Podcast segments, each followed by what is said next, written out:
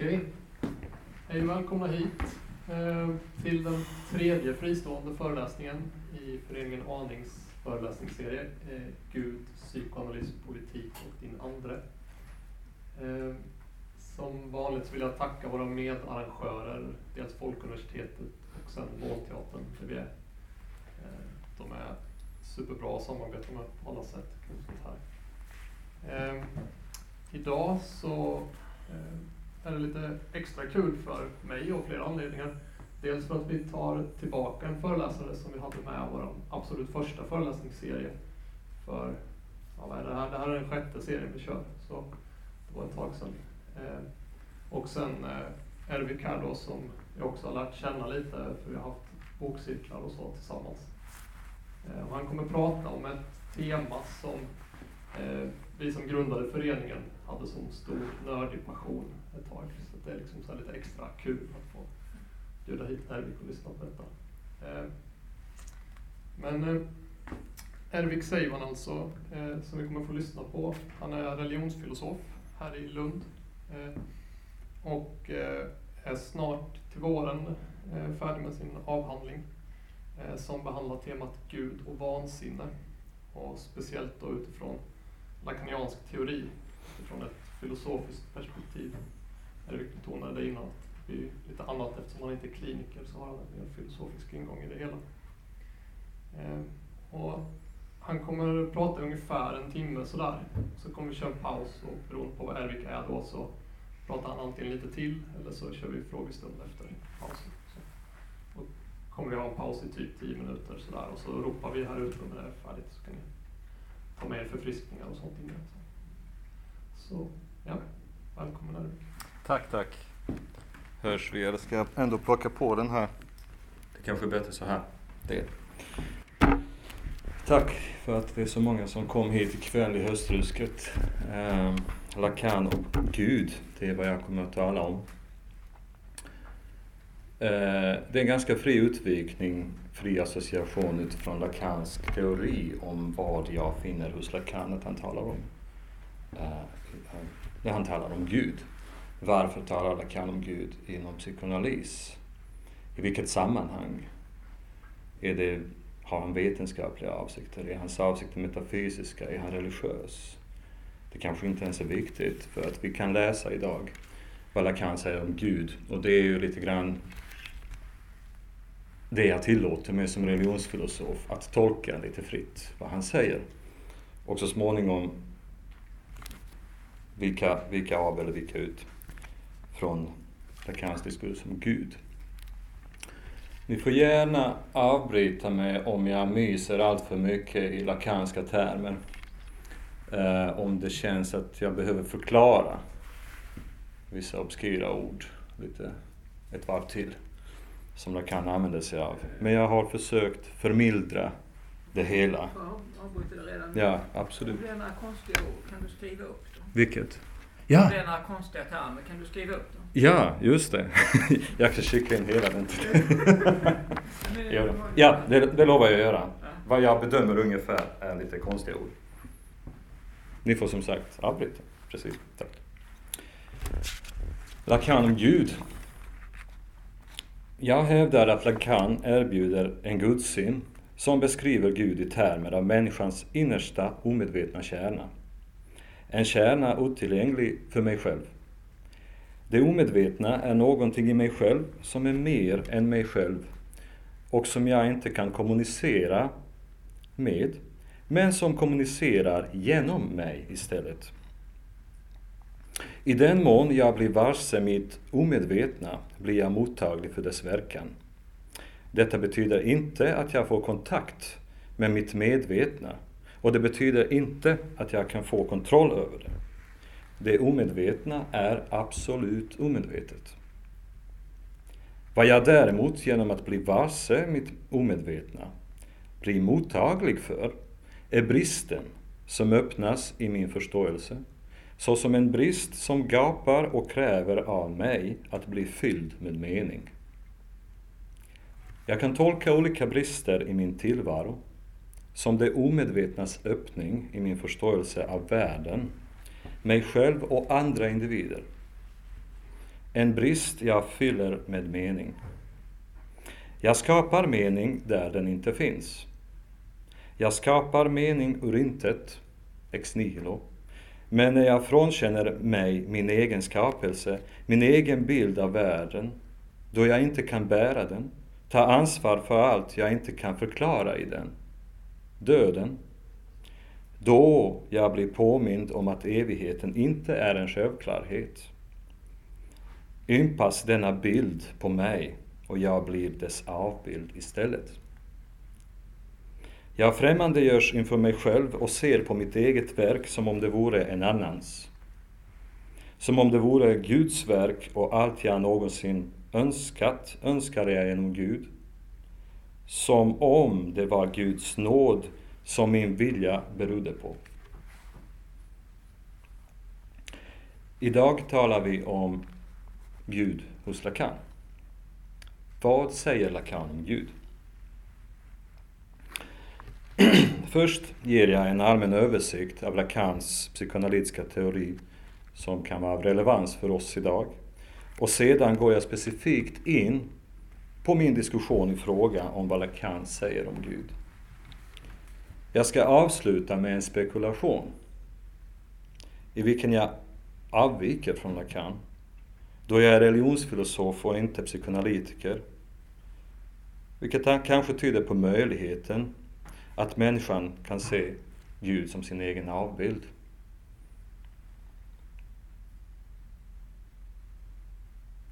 Vi ska titta specifikt på vad Lacan säger om Gud i 20 seminarium, Ankor. Jag kan skriva upp det.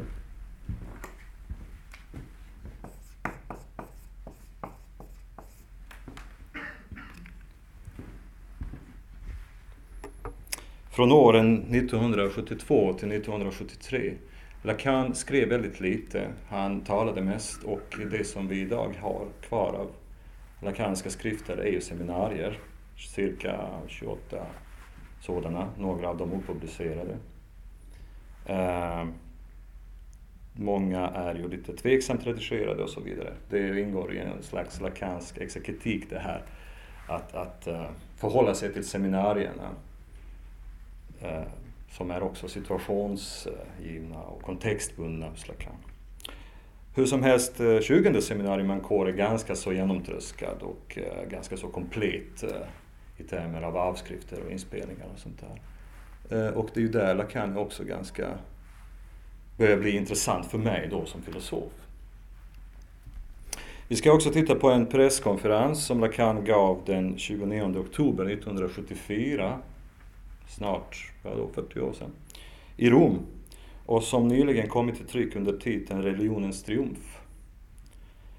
Vi ska även kasta en blick på Lacans sjunde seminarium, Psykoanalysens etik, finns översatt på svenska, eh, som han gav mellan åren 59 till 60. Och eh, jag ska också referera, alltså indirekt presenterar jag här min litteratur. Jag ska inte liksom gå in och ge er noter också samtidigt. Men förutom då de här som jag nämnt så också ska jag tala utifrån elfte seminariet, om man översätter ungefär, Eh, psykoanalysens fyra fundamentala koncept från 64.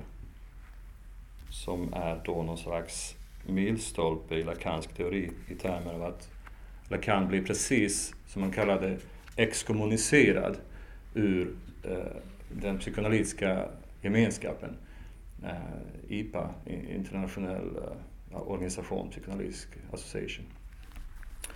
Han får hjälp av Louis Althusser på med alltså Normale Superior att få tillgång till lokaler och hålla sina seminarier där. Och då lockar han väldigt många icke-analytiker, alltså filosofistuderande och eh, folk som i allmänhet är intresserade av att höra Lacan, som då är redan vid denna tid har lyckats skapa sig någon slags rykte om att vara eh, en lite speciell föredragshållare. På olika sätt. Ja, våra lakanska källor är över 40 år gamla. Det tar kanske ett halvt sekel efter Lacans bortgång, han dog 1981, innan nya generationer psykoanalytiker och andra psykoanalytiskt intresserade, till exempel filosofer och eller teologer, börjar faktiskt läsa vad som nu är kvar av Lacans diskurs, bortom hans tydligen enormt inflytelserika och överföringsstarka personlighet. Lacan mobiliserade till fullo sin excentriska briljans under sina berömda seminarier, vilka han höll dagligen varje vecka i närmast 50 år. Det är dessa seminarier som vittnar om en tolkning av Sigmund Freuds psykoanalytiska teori utifrån Ferdinand de Saussure och Roman Jakobssons lingvistik, vilket Lacan påbörjade drygt 30 år efter Freuds bortgång. Det är Lacan vi kan tacka, liksom bland andra Georges Bataille, Claude Lévi-Strauss, Louis Althusser, Paul Ricoeur och Jacques Derrida, för att ha möjliggjort för oss idag en läsning av Freud, bortom den inramning psykoanalysen fick som ett slags bindestrecksbehandlingsmetod för neuroser inom psykiatrin. Vad Lacan gör det är ju att gå tillbaka till Freud som han säger, eh, slita psykoanalysen loss från den psykoanalytiska samman, äh, från, från det psykiatriska sammanhanget och försöka äh, finna vad var det som var så subversivt med Freuds äh, teori om det omedvetna. Istället orienterar Lacan inte minst under inflytande från Sören Kierkegaard och Jean-Paul Sartre psykoanalysen mot den enskilde personens existentiella mening och hennes individuella sökande efter välbefinnande och njutning, vilket i enlighet med vad Freud kallar lustprincip, söker förmildra det Freud kallar också verklighetsprincip. Det vill säga allt personen upplever i sin subjektiva erfarenhet som lidande eller trauma och genom lärdom om denna lär sig eller riktar all sin livsenergi, det som Freud kallar libido, eller för den delen vad Freud kallar dödsdrift, mot att undvika detta lidande. Hela vår organism mobiliseras mot njutning och vi vill undvika lidande. Det är ganska logiskt. Och det gör vi till exempel genom perversion eller sublimering av vad som uppfattas vara lidandets orsak. Vi vill under, till vilket pris som helst undvika lidande. Någon form av överdrift, excess alltså, krävs för att överlista alla hinder i njutandets väg. Det är vad Georges Bataille uppmanar oss till att, som han säger, Mänskligt liv är en erfarenhet att levas ut så långt som möjligt. Eller som Lacan menar i psykoanalysens etik, handla i enlighet med ditt begär. Kruxet är dock gällande begäret, att begäret är den andres begär. Som Lacan brukade säga. Det etiska momentet det etiska momentet här att du genom att handla i enlighet med vad du uppfattar som ditt eget begär är i själva verket, det vill säga omedvetet, oberoende av din vilja och på så vis gynnar en annan så som du skulle vilja att en annans begär skulle ha gynnat dig. Det vill säga, begäret är strukturerat mellan mig och den andra så att en etik garanteras. Här uppstår vad i lingvistiska termer kallas en signifiantkedja. Begär, den andres begär, som är ditt begär, är i sin tur en annans begär, den andres begär och så vidare. Så att ditt begär är alltid den andres begär och den andres begär är den andres begär. På detta sätt så garanteras en slags etikens universella kärna, som då är naturligtvis omedveten. Jag vet inte att mitt begär är den andres begär. Det kan visa sig vara i analysen.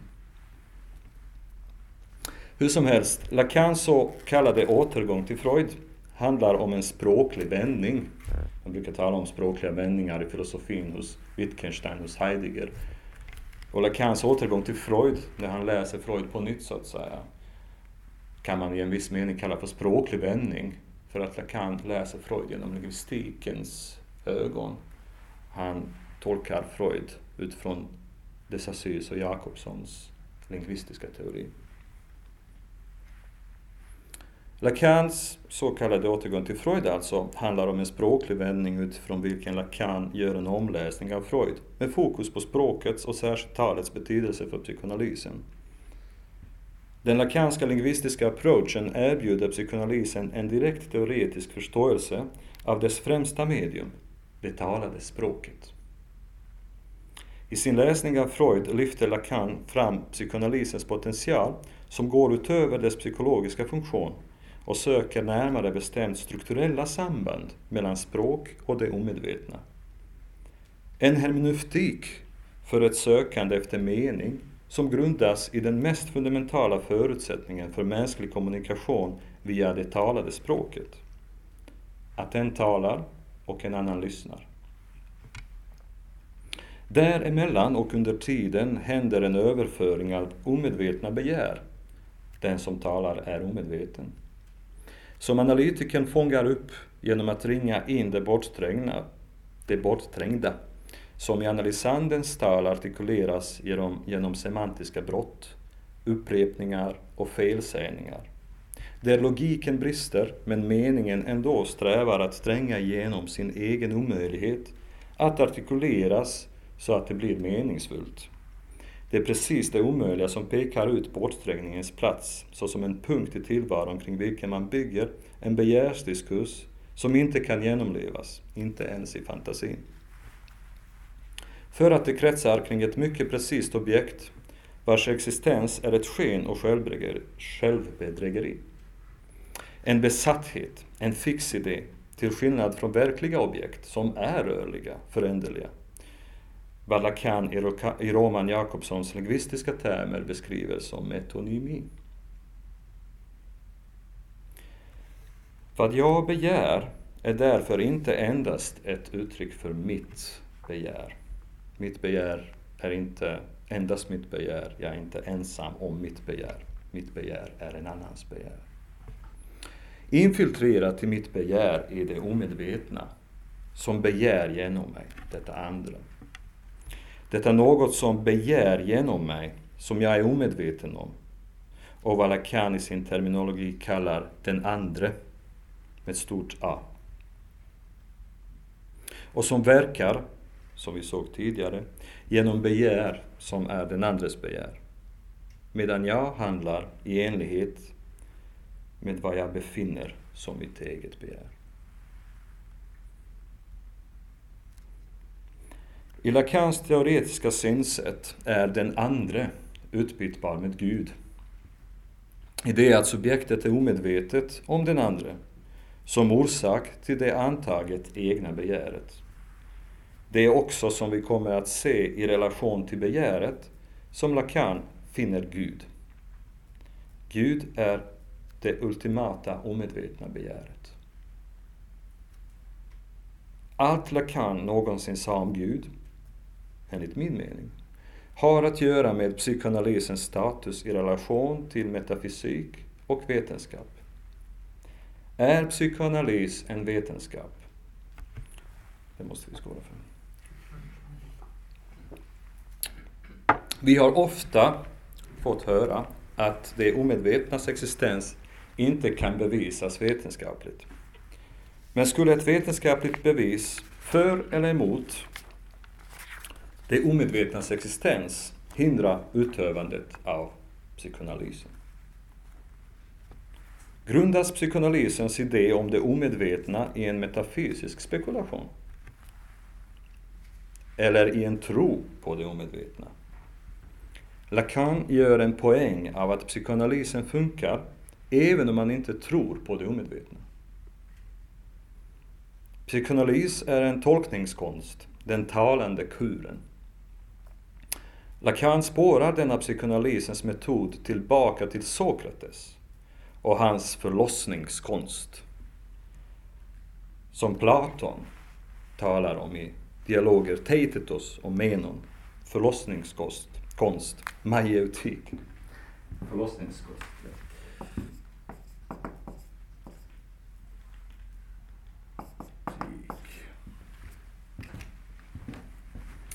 Att Sokrates inte visste någonting om det omedvetna hindrade inte honom enligt Lacan att vara den första psykoanalytikern.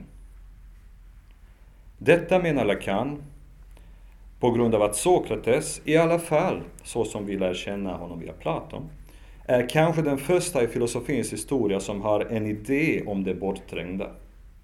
Utan veta vad det är naturligtvis. Vilket är vad Sokrates blottlägger genom en samtalsteknik han kallar just förlossningskonst. Han säger jag är en barnmorska. Jag förlöser unga män eller vad det var. Vad som förlöses är det bortträngda i en process av igenkännande kallad anamnesis. Man känner igen någonting. Aha-upplevelse.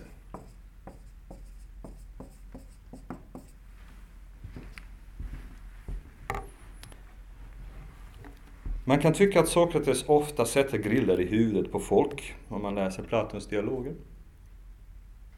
Tills, tills de tappar tråden och erkänner att de inte längre vet någonting. Kunskapen är förlöst när jag erkänner, nu vet jag att jag ingenting vet. Enligt Sokrates.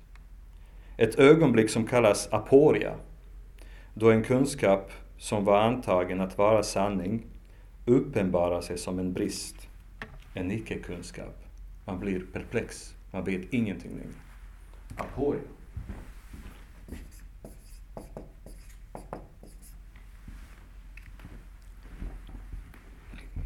Vetenskapen försäkrar kunskapen om ett objekt genom att upprepade gånger observera samma fenomen i olika situationer. Det empiriska synsättet. Kriteriet för säker kunskap om detta objekt är att det inte ska förändras under nya omständigheter. Psykoanalysens objekt, begäret, är däremot lokaliserbart precis i förskjutningar och förtätningar, förändringar, som Lacan beskriver i lingvistiska termer av metonymi och metafor. Därför behöver psykoanalysen det omedvetna som en idé om en, sta, eh, om en stadig punkt i förhållande till vilken begärets förskjutningar sker. Men om det omedvetna inte är endast en tom idé, hur kan den tillmötesgås? Om inte vetenskapligt, varför då inte genom filosofisk och eller metafysisk spekulation?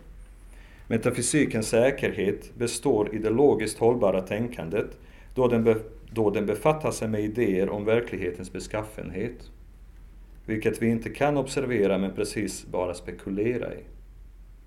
Till skillnad från vår kunskap om den, e- om den empiriska verkligheten, som vi alltså vetenskapligt sett kan observera. Det omedvetna känner däremot inga motsättningar och dess logik är en annan. Paradoxens och det omöjligas logik. Någonstans i drömtidningen talar Freud om att det omedvetna känner inte till några paradoxer. Vilket då naturligtvis visas i drömmar. Allting är möjligt.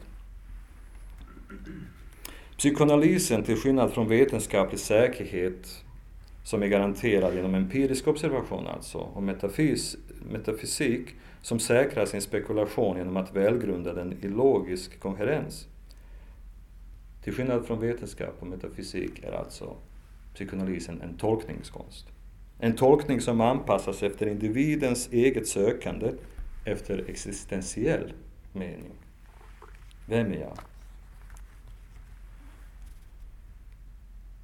Låt oss nu efter denna lilla översikt till Lacansk teori sysselsätta oss med vår ursprungliga fråga om Gud hos Lacan. Lacan talar om Gud i sammanhang där han frågar om, om och i så fall hur psykoanalysen bör positionera sig i förhållande till vetenskap och metafysik. Hur som helst, Lacan positionerar psykoanalysen i den sokratiska majoritikens anda som en praktik som syftar till meningsförlossning genom tolkning av analysandens tal. Analytikern orienterar analysandens tal mot en sådan förlossning genom tolkningsinterventioner varigenom den analytiska kuren är helt avhängig analysandens eget tal. Vi talar därför om psykoanalys i termer av den talande kuren. Meningsförlossningen inom psykoanalysen sker alltså mot bakgrund av talets omvandling till en kur, vilket uppnås genom analytikerns tolkningskonst. Analytikers skickliga navigerande i analysandens omedvetna, som tränger igenom henoms tal i form av upprepningar och felsägningar till exempel. som analytikern plockar upp, tolkar och vänder tillbaka. Psykoanalysen är en situation där vi isolerar två positioner. Analysandens, som talar, och analytikerns, som lyssnar och tolkar analysandens tal. I lakanska termer är analysanden det omedvetnas subjekt. Och i Lacans så kallade symboliska modeller, så kallade matem, skrivs analysander, analysan, analysanden, det omedvetna subjekt, som överstruket S.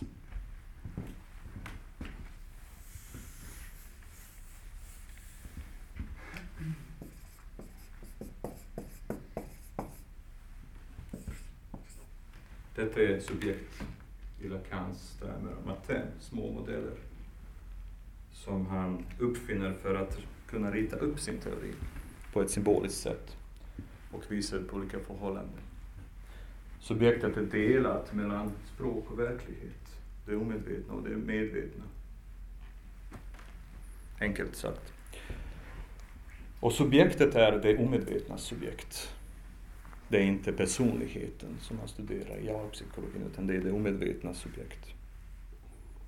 Analytikern är den andra med stort A, autre, franskt för den andra, och detta är då stort A. I en psykoanalytisk situation så, så uppstår det någonting här. Den här talar, den här lyssnar. Psykoanalytikerns position är en position av den som antas veta. Det är analysanden som antar psykoanalytikern vet någonting.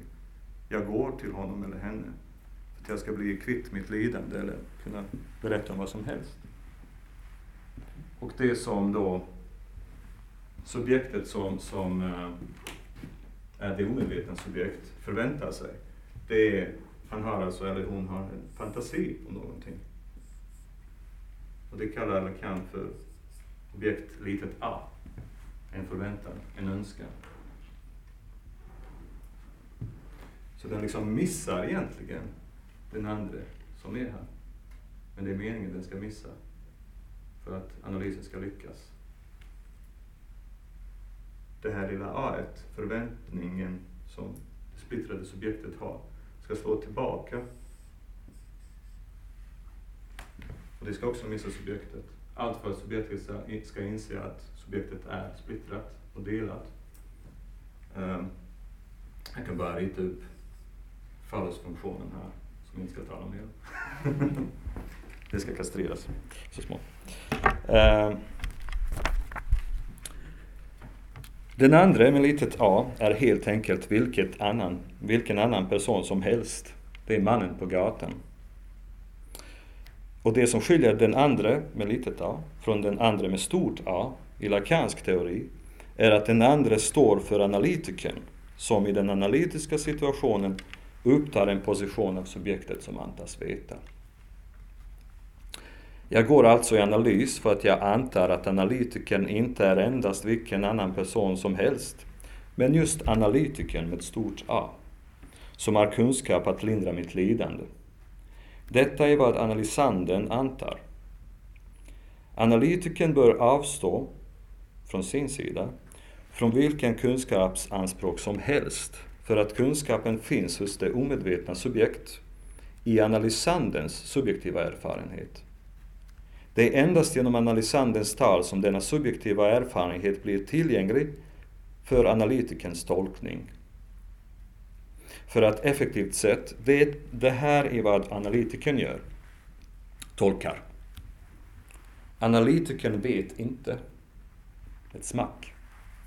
Analytikern tolkar. Det är i slutändan analysanden som vet, för att det är analysanden som är det omedvetna subjekt som analytikern tolkar. Eh, Lacan brukar också tala om det omedvetna subjektet i termer av en som vet att han inte vet. Eller en som, vet, som, en som inte vet att han vet. En som inte vet att han vet. Tillbaka till Lacan och Gud. Då Lacan talar om Gud sker det, sker det i relation till förhållanden som råder i den analytiska situationen och inom vilken den psykoanalytiska erfarenheten tecknas, enligt Lacan.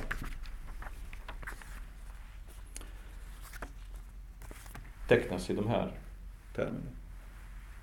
Vi har alltså den analytiska situationen som schematiskt sett består av analysandens position, det omedvetna subjekt, och analytikerns position, den andra, subjektet som antas veta. Lacan positionerar Gud mitt i den psykoanalytiska erfarenheten som en omedveten kunskap. Gud överlappar den andres position. Men vilken kunskap rör det sig om? Om Gud eller om den andra? Om Gud eller om någonting annat? Vi hoppas kunna svara på denna fråga idag. Och det här med att Gud överlappar den andres position, det har att göra precis med att subjektet som vill någonting, den andra, som antas veta, missar denna position. Eh, det här missandet bör leda till att subjektet eh, förverkligas som ett fullt subjekt, inte delat subjekt. Och det gör man genom att man helt enkelt stryker den andra sätter det inom parentes som en funktion av ett fullkomligt subjekt. Detta är Gud.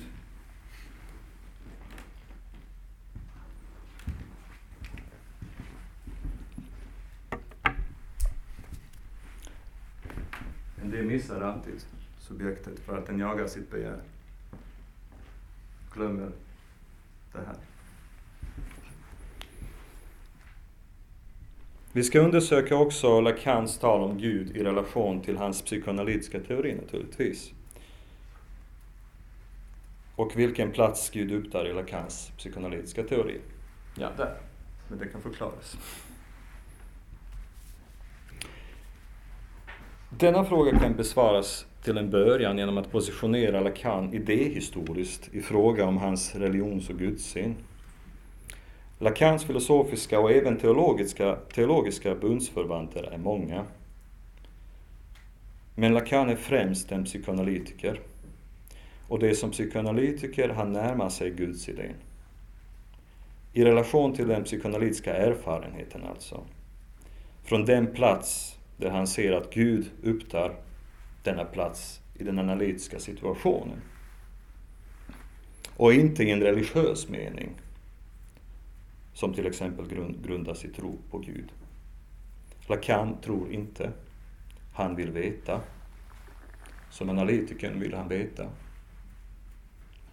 Och detta gör han genom att läsa filosoferna och teologerna genom freudianska glasögon. Lacan är inte filosof och inte teolog. Han är freudian. Så som han hävdade ända in i det sista. Så sent som 1980, ett år innan han dog, sa han vid en konferens i Caracas inför många unga förväntansfulla psykoanalytiker som ville följa den lakanska linjen, så sa han så här till dem. Ni må kalla er lakanianer, lakanianer själv är jag freudian. Jag hävdar att Lacan kan positioneras i den religionskritiska traditionen religionskritiska traditionen, som går tillbaka till Freud naturligtvis. Men också ett stycke längre tillbaka, som jag ser det, till filosofen Ludwig Feuerbach.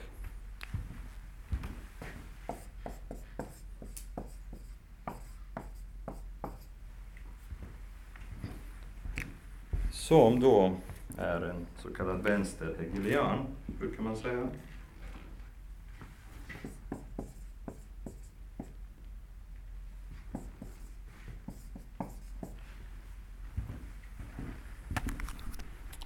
Feuerbach lägger fram idén om att människan har skapat Gud till sin egen avbild. Så han vänder på det där. Människan har alltså skapat Gud till sin egen avbild. Allt människan inte lyckas genomföra och som hon tänker sig som en idé om sin egen natur, till exempel odödlighet och evig kärlek, projicerar hon, enligt Feuerbach, utanför sig själv. Det vi inte kan uppnå projicerar vi som, som ett ideal utanför oss själva och det jagar vi. På så vis skapar människan ett yttre rum där hon förlägger sitt önsketänkande om sig själv. Denna mänskliga fantasmatiska självbilden är vad vi enligt Feuerbach kallar Gud. Feuerbach går ännu inte så långt som Freud att hävda att gudsidén är en illusion. Guds status som projektion hos Feuerbach driver fram en intressant tanke, nämligen att allt människan ser om Gud handlar om henne själv. Frågan ”Finns Gud?” Är irrelevant om vi inte kan svara på frågan ”Finns människan?” Idéhistoriskt sett befinner sig Lacans gudsbegrepp, så som jag ser det, i denna rörelse från teologi mot antropologi, som Feuerbach står för. I fråga om Guds existens dekonstruerar Lacan, hävdar jag, själva idén om Gud som transcendent existerande. Transcendensen hos Lacan förklaras i termer av det realas otillgänglighet för språket, det som är. Det som metafysiken vill besvara är otillgängligt för språket. Därför, kan, därför finns det ingen mening att vi talar om det som är. För att det antingen är i termer av det befinns här, någonting utöver det finns inte. Va? Transcendensen är en idé som på något sätt har med någonting annat att göra, menar Lacan. Då. Eh, transcendensen förklaras hos Lacan alltså i termer av det realas otillgänglighet för språket. Det vill säga det omedvetna såsom i det subjektiva, såsom en i det subjektiva, som är bortom språket självinkrökt existens. Den är liksom självtillräcklig, självändamålsenlig existens. Det som vi uppfattar som det transcendentala, eller transcendenta. Som inte förmedlas via språket, men som snarare förmedlas i det att det omedvetna tränger igenom språket genom att det bryter syntaxen och öppnar upp språkets urdimension av ett slags. Själva ljudbilden, a, tecknet som likt ett magiskt sigill förmedlar sig i ett icke-språk som fortfarande är ett språk men där skillnaden mellan ljud, ord och tecken är definitiv. Så att enskilda tecken står var och en för sig och som i denna sin singularitet blir meningsfulla, som i den närmaste mystika existenser som behöver dechiffreras. Vars plats i medvetandet är en annan, det vill säga excentrisk, transcendent, i förhållande till medvetandets invanda meningsmönster. Transcendensen handlar om vad vi inte längre känner igen som härvarande. Och detta på grund av att vi har förlorat det språk vilket det talar, bortom meningsformationen, enligt vilken, så som vi har det i enlighet med den så kallade signifiantlogiken, där en signifiant, ett tecken, en, eh, ett ljud, representerar en annan signifiant för en tredje signifiant och så vidare. Detta är någonting som Lacan eh, destillerar från Ferdinand de Saussure eh, och hans lingvistik. Detta är också, om ni minns, basschema för hur Lacan förklarar begäret som en annans begär och som en annans begär. Signifianten representerar en annan signifiant för en annan signifiant.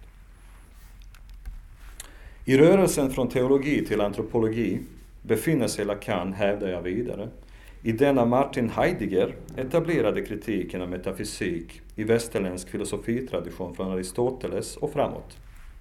När frågan om varat, vad som är, och icke desto mindre vart det befinner sig i förhållande till min egen existens, enligt Heidegger ympas på frågan om Guds existens, där Gud ses som orsaken till varat, särskilt i en skolastisk tolkning av Aristoteles metafysiska spekulation om den orörlige röraren som en gudsfigur uppstår, menar Heidegger, en diskurs som han kallar för ontoteologi. All fråga om varat blir en fråga om Guds varat. Det är inte längre som gamla greker, Parmenides och innan Platon, som frågar sig vad är? utan på vilket sätt existerar Gud? Det är vad ontoteologi sysslar med efter Aristoteles, efter att i det västerländska tänkandet vi får alltså en kristen gudsbild som måste lämnas in i metafysiken under skolastiken av olika anledningar. Med andra ord, all metafysik som sugs till frågan om Guds ontologiska status reduceras till en fråga om Guds vara såsom en från människan och världen skild ur existens. Kunskapen om Gud, teologin, blir därmed avgörande för kunskapen om vad som är. I ontoteologins spår. Således, den foebehianska rörelsen från teologi till antropologi som vi nu tillskriver Lacan kan nu preciseras i termer av en rörelse från ontoteologi till antropologi, som jag ser det. Men vilken antropologi, vilken kunskap om människan rör det sig om? Jag vill gärna precisera denna antropologi som jag finner hos Lacan i termer av en människoexistentiell ateologi. Mot bakgrund av Lacans lärdomar från Heidegger och inte minst Nietzsche, som enligt Heidegger betyder slutet för ontoteologin. Nietzsche avslutar den här långa tiden av metafysik som är ontoteologisk. I och med Nietzsches myt om Guds död. Det är vi som har mördat Gud, säger Nietzsche. Han avslutar den här metafysiska diskursen och istället eh, upptäcker en slags moral, moralisk nihilism i vår gudstro. Eh, vänder på den och säger Gud är död. Inte bara det, vi har också dödat Gud. Men är det skuld vi ska känna eller vi ska känna oss fria? Nietzsche är ju en stor ironiker också. Om Gud inte finns, menar Sartre i existentialism är en humanism. Om Gud inte finns, då är allt tillåtet. Icke, menar Lacan. Om Gud inte finns, ingenting är tillåtet. Men Lacan tycks vara grumlig i fråga om vem denna Gud är. Det finns ganska mycket som tyder på att han är ganska överens med Kant som säger att Gud är moralens garant. I en universalistisk mening för att vi ska kunna ha någon slags moralbegrepp på, så att säga bollat fram och tillbaka Men Så är det nödvändigt att vi har alltså någon slags superego, någon slags instans som garanterar moralen på ett universalistiskt sätt. Lacan är alltså grumlig i fråga om vem denna Gud är som borde finnas för att moralen skulle verka bland oss på ett existentiellt och universalistiskt sätt. Om denna Gud verkligen är, om denna Gud finns, det vet vi inte riktigt om vi läser Lacan. Han jäckar lite grann i 20 seminariet Ankor på ett ställe där han säger, i min taffliga översättning, det sättet på vilket Gud finns kommer inte nödvändigt, nödvändigtvis gillas av alla. Särskilt inte av teologerna, vilka så som jag sedan länge sa, är långt mer kapabla att klara sig utan hans existens. Jag befinner mig tyvärr inte i samma position, för jag har att göra med den andre. Säger Lacan. Denna idé om Gud som den andra är kanske mer än någon annanstans artikulerad, tycker jag, i det skandalösa mötet som Georges Bataille ställer oss inför i sin berättelse Madame Edvarda. På ett bordell möter Batailles protagonist en prostituerad som heter Edvarda. Hon är lyhörd för dennes längtan och låter honom knäböja framför henne medan hon sätter sig bekvämt och särar på benen. Vid anblicken av hennes blottade sköte erbjuder, erbjuder hon frälsning. Se själv, jag är Gud. Konsekvenserna av detta möte och den ateologi som detta ger uttryck för skulle leda oss till ett annat spår, vilket nu bara kan peka på. Ateologi är en diskurs om Gud efter Guds död. Hos Bataille. Han tar Nietzsche på fullt allvar. Gud är död, Gud är frånvarande, jag har en idé om Gud. Hur hanterar jag detta? Existentiell kris. Hjälp. Och så kommer Madame Edvard och säger, jag är Gud. Det blir han inte nöjd med heller. Och jag menar att Batailles teologi egentligen ligger till grund för Lacans syn på Gud som den andre. Edvarda som den andre. Hon, är, hon upptar lite analytikens position. Fast lite för mycket. Frågan som härmed ställs öppen framför oss är inte huruvida Edvarda är Gud, men vad det betyder för vår gudsuppfattning att Gud är den andre. Att Gud säger sig vara genom att ge sig till känna genom ord som Edvarda uttalar medan hon pekar på den plats mellan hennes ben som hon menar är platsen för Guds existens. Hon säger, säg själv, jag är Gud. Vem kan säga att hon inte är? Vem kan säga att Gud inte existerar när Gud pekar ut sig själv? För Bataille betyder detta två saker. För det första att Gud är allt som säger sig vara. Allt som uttalar jag är Gud. Okay. För det andra att Gud är frånvarande i stunden då Gud ger sig till känna. Att Gud undflyr all form av existens och måste därför sökas i det omöjliga. I en domän enligt Bataille som är bortom existens och icke-existens.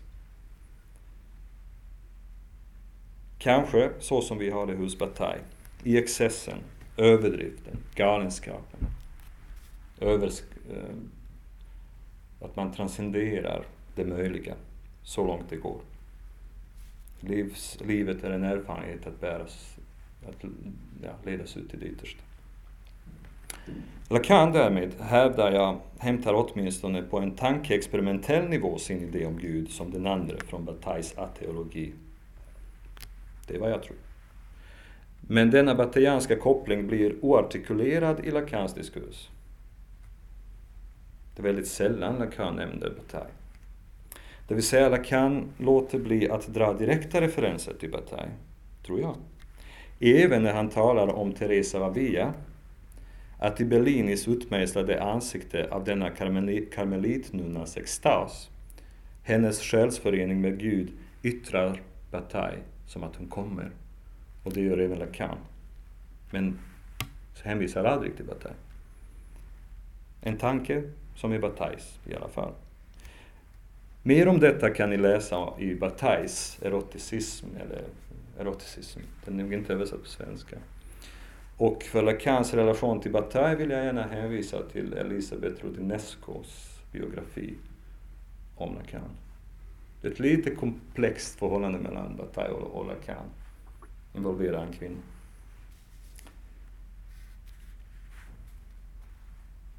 Ska vi tro på vad Lacan säger om Gud? Kanske, men inte ska vi lita på honom.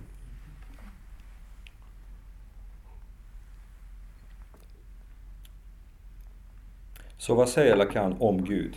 Detta om är centralt.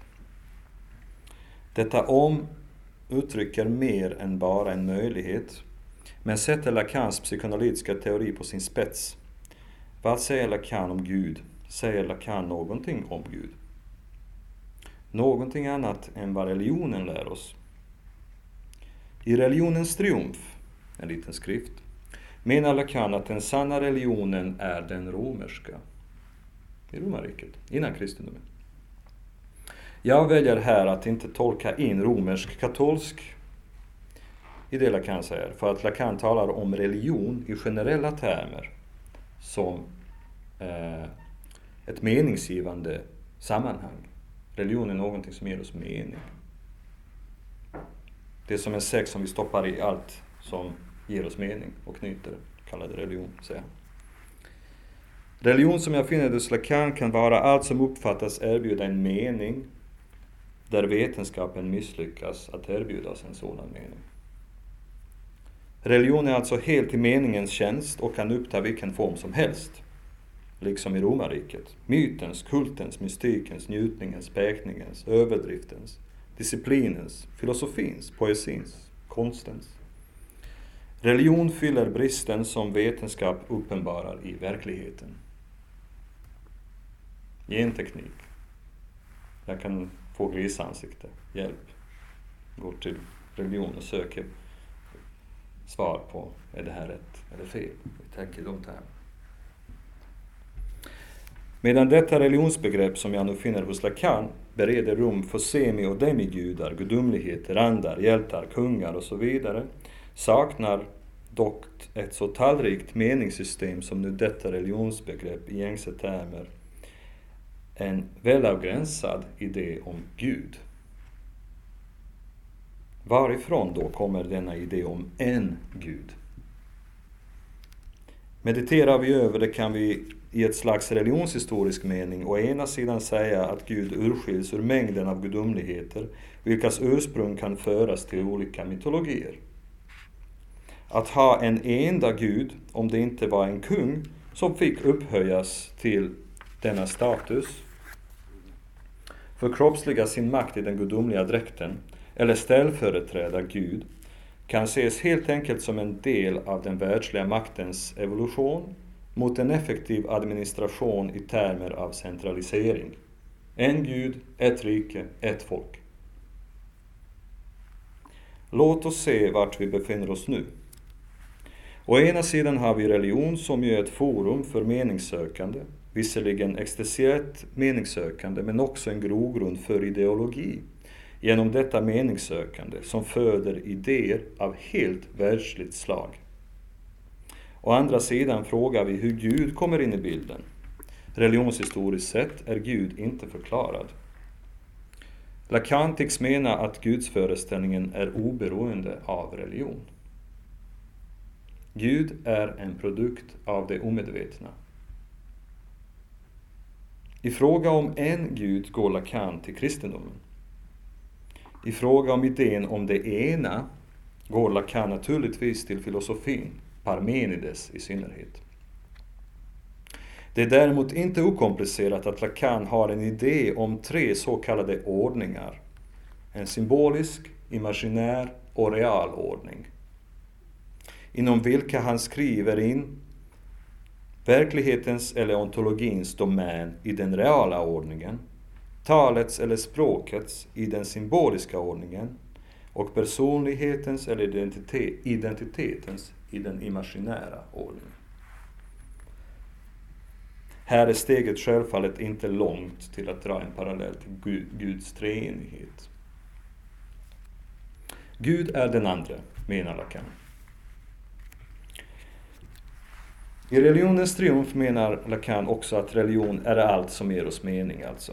I det räknar Lacan även den kristna gudsföreställningen. I sin gudssyn är Lacan alltså judokristen och inte minst med stark lutning åt dess västerländska och mer specifikt katolskt kristna gudssyn. Emellertid är intresset hos Lacan inom den katolskt kristna traditionen riktat mot dess mystika traditioner. Lacans medievalism talar man om oftast. Han är väldigt förtjust i skolastiken, i Therese av Avila, i Johannes av Korset, i mystiker. Han är väldigt förtjust i Thomas av Aquino. Han tror att det finns någonting i skolastiska diskursen som talar om Gud på ett sätt som är fundamentalt mänskligt. Inte nödvändigtvis knutet då till eh, religion, Var kommer helt enkelt denna kunskap om Gud ifrån? Visst, tror vi på det så ser vi uppenbarelse.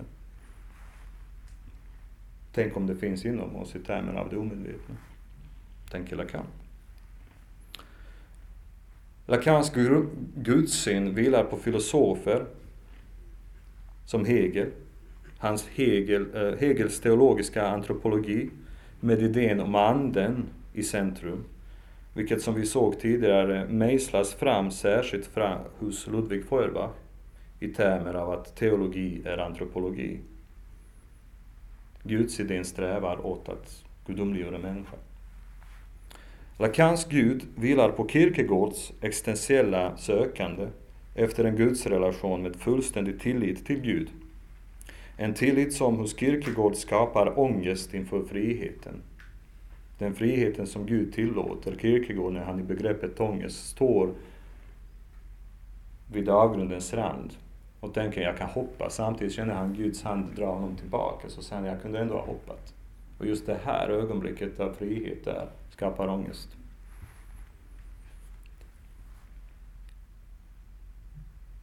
Då individen tar sig fram till en säkerhet i sitt existentiella sökande efter en gudsrelation överger hon sitt liv fullständigt i Guds händer enligt Kierkegaard. Gud som handgripligen tillhandahåller säkerheten. Gud tar hand om en i alla lägen och alltid. När Kierkegaard står vid avgrundens rand, när han är redo att hoppa, då känner han att det är Guds hand som finns där för honom. Samtidigt som han känner lika stark frihet att hoppa ner i avgrunden. Kierkegaard väljer som bekant att ta trons hopp, eller trons språng, istället. Och tro att Gud har någonting bättre i beredskap för honom än vad han själv kanske skulle orsaka om han hoppade i avgrunden och därigenom troligen tar sitt liv. Det är den här existentiella beredskapen hos Kierkegaard som fascinerar Lacan. Att man verkligen kan ha en så stark idé om Gud, tilltro, att man lägger sitt liv i denna i dess händer. Det är någonting fundamentalt existentiellt som fascinerar Lacan Hur skriker jag? Religion enligt Lacan ger människan mening över sådant som vetenskapen ännu inte har lyckats förklara för oss på ett övertygande vis. Gud å andra sidan är en produkt av det omedvetna, menar Lacan. Men Lacans Gud är inte teologernas, de som tolkar religiösa traditioner, men en Gud som upptar den andres position i analysen, som är människans position i förhållande till hennes omedvetna från teologi till antropologi.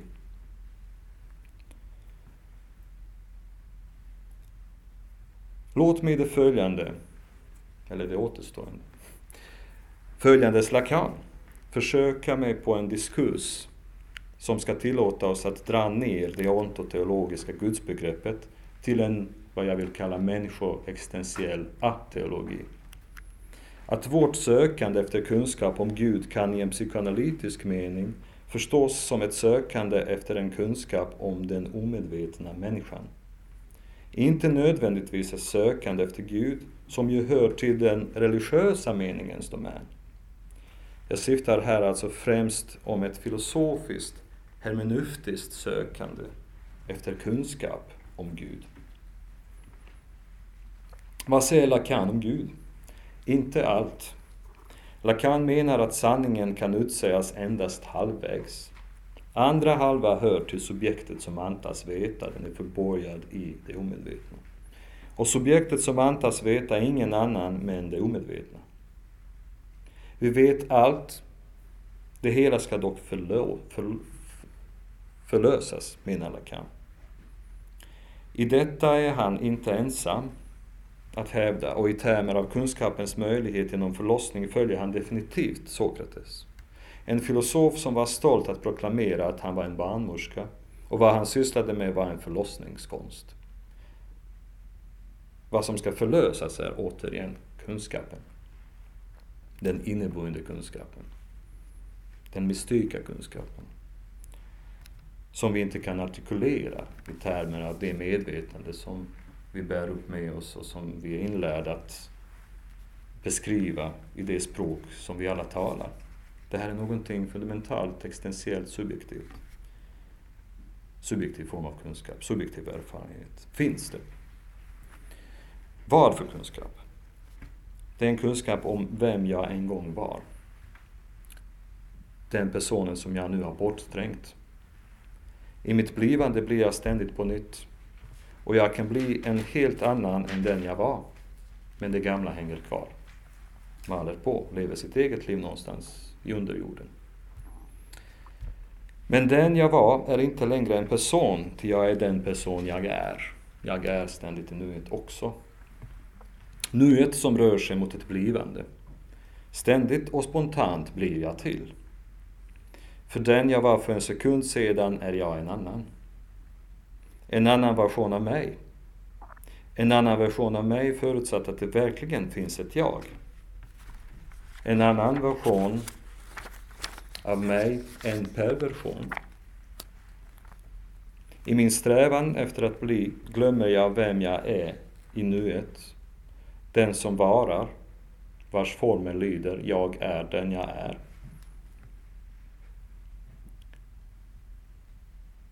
Läs Ola Vikanders Gud är ett verb. En eh, väldigt duktig eh, exegetiker. Gud är ett verb. Intressant grepp. Min vara glömska som Heidegger kallar det, då jag glömmer att jag är den jag är, vem jag är, bidrar aktivt till en rest som fortfarande är jag men som omvandlas i mitt medvetandes erinring från ett jag som var till ett det. Det var det då jaget är alltid i nuet, jag är den jag är. Det finns alltid det som jag var och det jag är. En slags dissonans. Denna tautologi är ett förtydligande av varandets plats. Jag är den jag är i varandets nu. Jag är den jag är och jag, var, jag är inte den jag var. Ganska självklart men det skapar någonting, en slags litet existentiellt skillnad, en öppning, en slags förvirring. Att jag är här nu är den enda säkerheten, en, en, den enda fasta punkten som försäkrar mitt varande i detta ständiga nu. Så att om vi talar om metafysik som en diskurs om vad är, då är Lacans metafysiska grepp kanske mera en fråga om vart någonstans befinner jag mig? Vart befinner sig det omedvetna subjekt? Finns det så att säga hos dig och mig? Eller finns det i språkdiskursen? Finns det i själva psykoanalytiska teorin? Det här är bara fantasi. Eller någon slags konstruktion.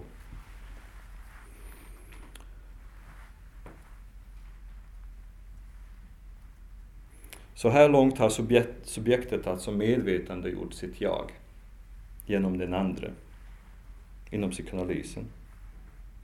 Men är det en erinring, en sokratisk anamnesis vi har att göra med?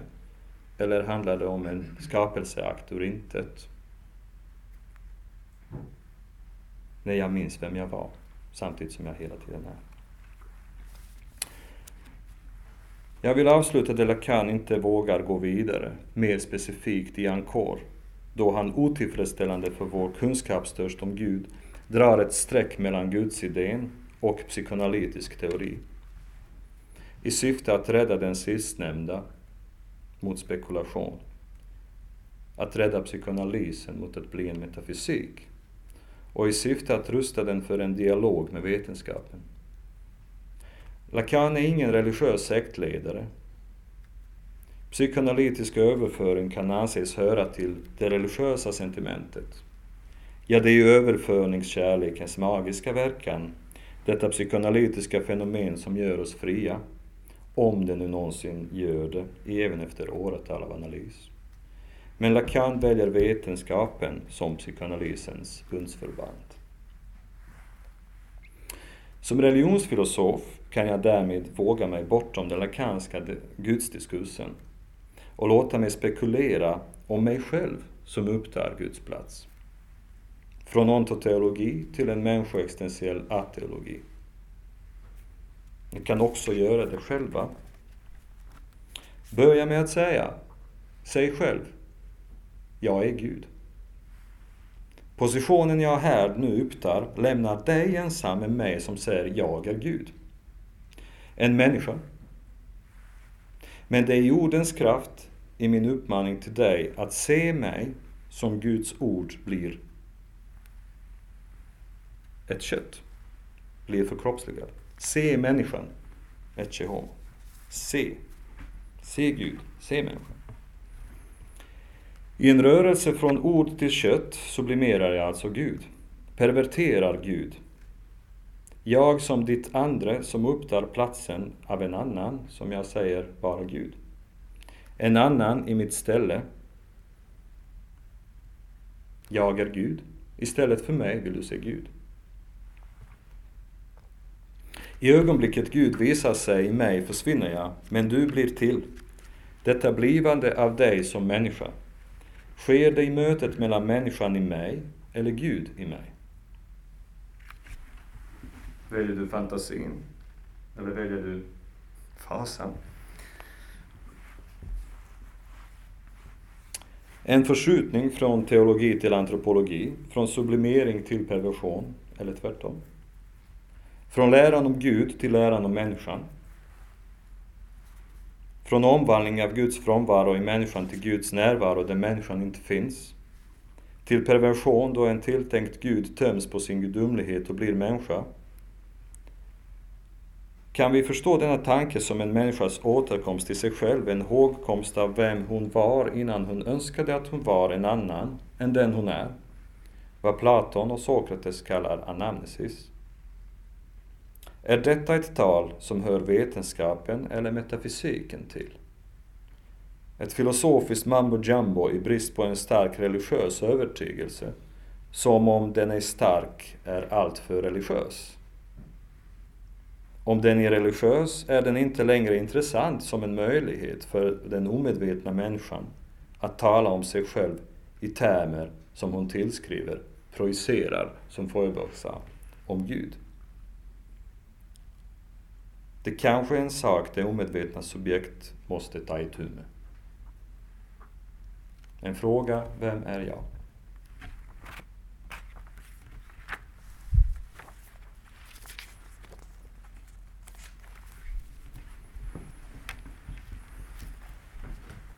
Tack så mycket Ervik.